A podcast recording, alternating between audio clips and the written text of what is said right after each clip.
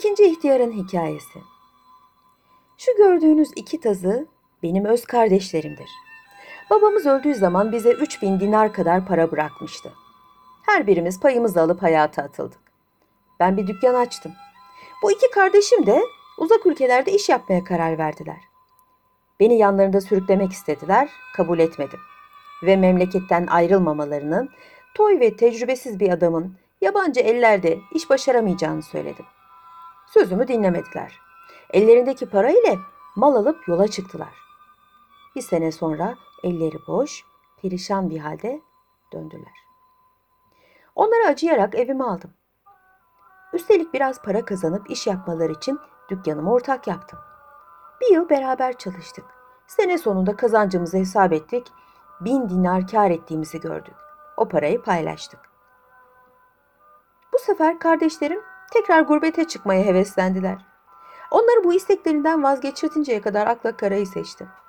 Böylece üç kardeş altı sene canla başla çalışıp altı bin dinar biriktirdik. Her fırsatta birlikte gurbette e, ticaret yapmamızı isteyen kardeşlerim bu sefer beni de kandırdı. Yalnız ben kendilerine şu öğütte bulundum. Elimizde altı bin dinar var. Bunun yarısıyla mal alıp taşraya çıkalım.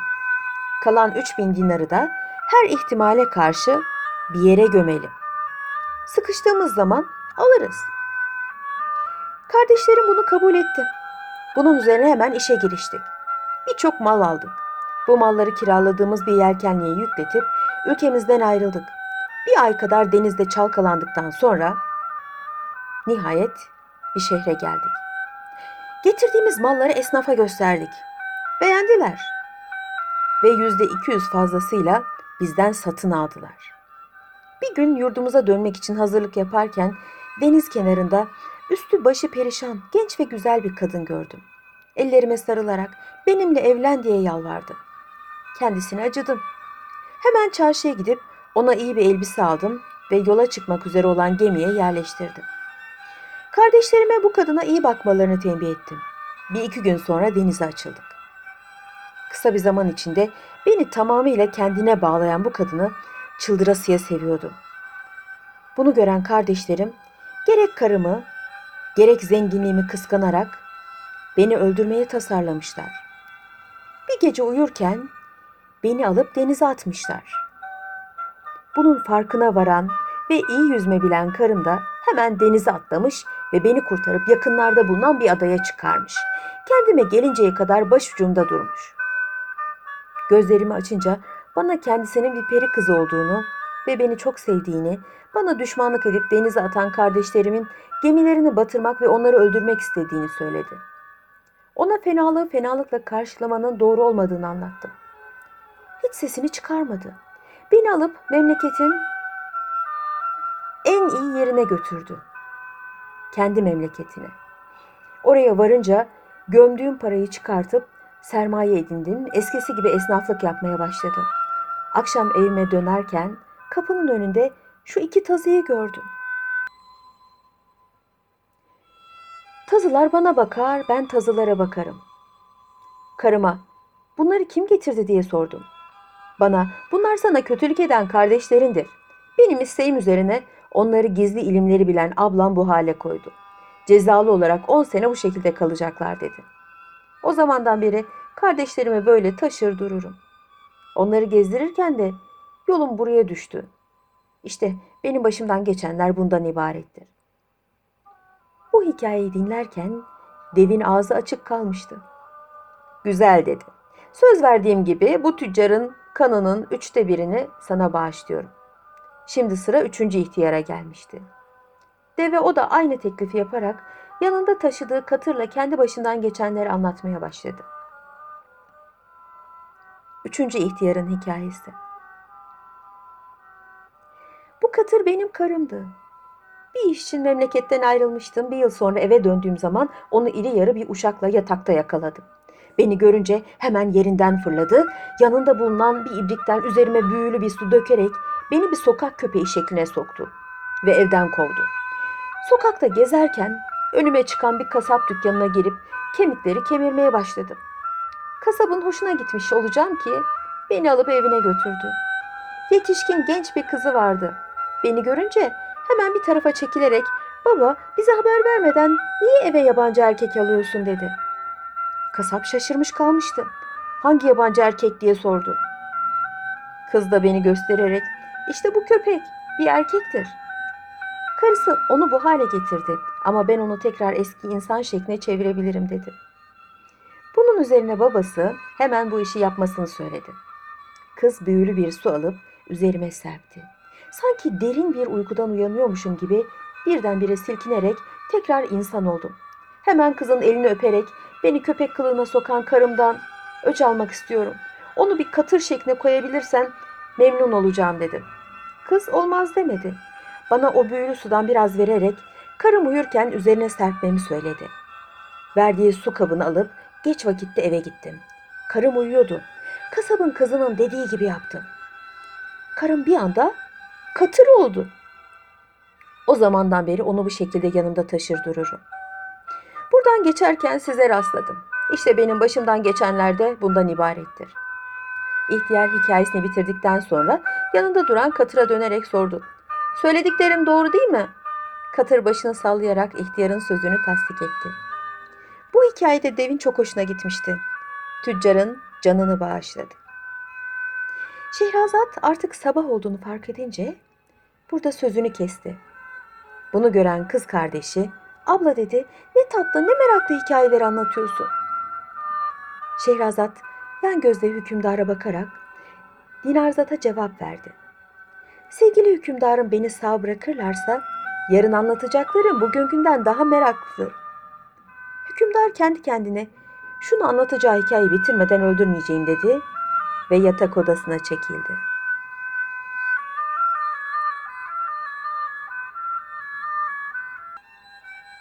Üçüncü gece. Ertesi gün hükümdar Şehrazat'ın kellesini uçurmak için bekleyen cellatları savarak tahtına oturdu. Akşama kadar devlet işlerini idare ettikten sonra sarayına döndü. Yemekten sonra Dinarzat ablasına yarıda kalan hikayesini anlatması için yalvardı. Şehrazat da başımla beraber diyerek anlatmaya koyuldu. Üç ihtiyarın anlattıkları garip hikayeler sayesinde devin elinden yakasını kurtaran tüccar hepsine teşekkür edip memleketine döndü. Hayatından ümidini kesen ailesine kavuştu. Fakat burada biten bu masal balıkçı ile ifrit masalı kadar meraklı değildir. Bunun üzerine hükümdar bu masal nasıl şeymiş diye sordu. Şehrazat anlatmaya başladı. Balıkçı ile ifrit Sevgili hükümdarım, vaktiyle ihtiyar bir balıkçının bir karısı, üç de çocuğu vardı. Bu fakir adam ailesini geçindirmek için her gün deniz kenarına gider, adeti üzere dört defa ağını suya atardı. Bir gün öğle üzeri yine balık avlamaya çıkmıştı. Sepetini bir tarafa bırakıp ağını denize fırlattı. Biraz bekledikten sonra çekti. Ağır olduğunu görünce sevindi. Paçalarını sıyırıp suya girdi. Yavaş yavaş ağa çekmeye başladı. Çok geçmeden ağına balık yerine bir eşek ölüsü takılmış olduğunu gördü. Buna üzülerek ağı kurtardı. Bozulan yerlerini düzeltti. Biraz dinlendikten sonra tekrar ağı denize fırlattı. Biraz sonra çekince ağı yüklü buldu. Yorgun yüzünde bir gülümseme belirdi. Fakat bu sevinci çok sürmedi. Çünkü bu sefer ağa içi kum dolu bir küp takılmıştı. Bin bir zorlukla ondan da ağını kurtarırken şu beyitleri söylemekten kendini alamadı. Yeter felek, beni kayır, acılardan dertten ayır. Ne talihim güler bana, ne işimden gelir hayır. Çıktım kısmet aramaya, bahtsızlık girdi araya. Cahil rahat, bilgin yoksul. Kaldık garip bir dünyaya. Balıkçı bu sefer başka bir tarafa gitti. Ağını üçüncü defa suya attı. Ağa bir sürü taş takıldığını görünce ellerini havaya kaldırarak Allah'ım dedi. Bilirsin ki ben her gün ağımı dört defadan fazla suya atmam. Üç defadır bir şey çıkmadı. Bari bu dördüncü boşa gitmesin. Sonra ağını tekrar denize attı. Bir zaman sabretti. Vakti gelince çekti, ağır olduğunu gördü. Belki bu sefer balık takılmıştır diye suya girdi. Yavaş yavaş ağı toplayıp kıyıya çıkardı.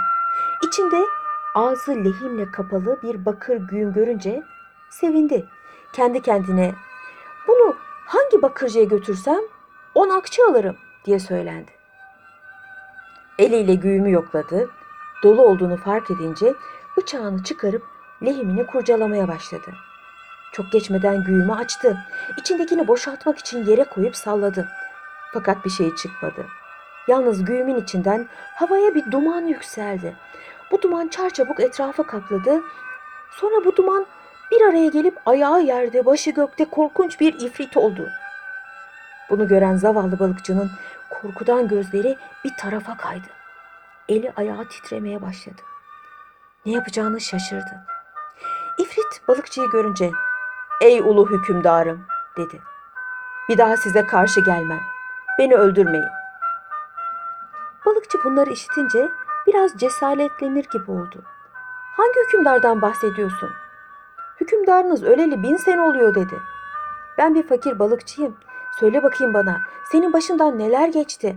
Neden bu güğüme girdin?" İfrit koca bir dağ andıran başını sallayarak "Ey balıkçı," dedi. "Sana müjde." Balıkçı sevindi. "Ne müjdesi?" "Ölüm müjdesi. Ölümlerden ölüm beğen." Balıkçı lahavle çekerek bağırdı. "Sana yaptığım iyiliğin karşılığı bu mu?" İfrit yumuşamışa benziyordu. "Balıkçı," dedi. "Sana hikayemi anlatayım." "Kısaca anlat çünkü canım burnuma geldi." Ben bir zamanlar çok dik kafalıydım. Büyüklerime karşı gelirdim. Bir gün hükümdarımız olan Davudoğlu Süleyman bana fena halde kızdı. Veziri Asaf'a beni hapsetmesini emretti. O da alıp beni şu gördüğün güğüme koydu. Adamlarına verip beni denize attırdı. Suların altında yüz yıl kaldım. Bu zaman içinde beni kurtaracak kimseyi zengin etmeye and içtim. Kimse çıkıp beni kurtarmadı. Yüz sene daha sabrettim. Bu sefer beni hürriyete kavuşturacak kimseye dünyanın definelerini göstermeye ve ne işi varsa yapmaya karar verdim. Yine bana el uzatan olmadı. Nihayet bütün insanlara, bütün hayvanlara kızdım. Beni kim kurtarırsa onu öldüreceğim dedim. Şimdi sözümü yerine getirmek zorundayım. Seni öldüreceğim. Sana bir iyilik olsun diye ölümlerden ölüm beğenmek hakkını bağışlıyorum. Bu sözleri duyan balıkçı Allah'ım dedi. Bende de ne talih varmış. Seni kurtaracak zamanı bulamadım. Bu işi daha evvel yapsaydım ya. Ne olur koca ifrit. Beni bırak. Senden bir şey istemiyorum. İfrit balıkçının yalvarışlarına gözyaşlarına hiç aldırmadı. Onu öldürmek için verdiği karardan vazgeçmedi. Bunu gören balıkçı kendi kendine İnsanoğlu bütün yaratıkların en akıllısıdır derler. Bu ifrite karşı neye zekamı kullanıp onu yenemeyeyim dedi. Biraz düşündükten sonra ifrite döndü. Anlaşıldı ki sen beni öldürmeye karar verdin. Bari şu dünyadan göçmeden beni düşündüren bir sorunun cevabını ver. Tanrı'nın büyük adı için bana doğruyu söyle dedi. İfrit Tanrı'nın büyük adı sözlerini duyunca titredi. Balıkçıya doğru cevap vereceğini söyledi. Balıkçı da sorusunu sordu. Senin gibi yere göğe sığmayan bir ifrit şu ufacık güğümde nasıl barınır? O seni bir parmağına bile alamaz. İfrit gök gürültüsünü andıran bir kahkaha salıverdi. Demek inanmıyorsun ha? Balıkçı başını salladı. Evet, gözümle görmedikçe inanmam dedi. Şehrazat sabah olduğunu görünce hikayesini burada kesti. Hükümdar da bu meraklı masalın üst tarafını dinlemek için karısının o günde bir şey yapmadı.''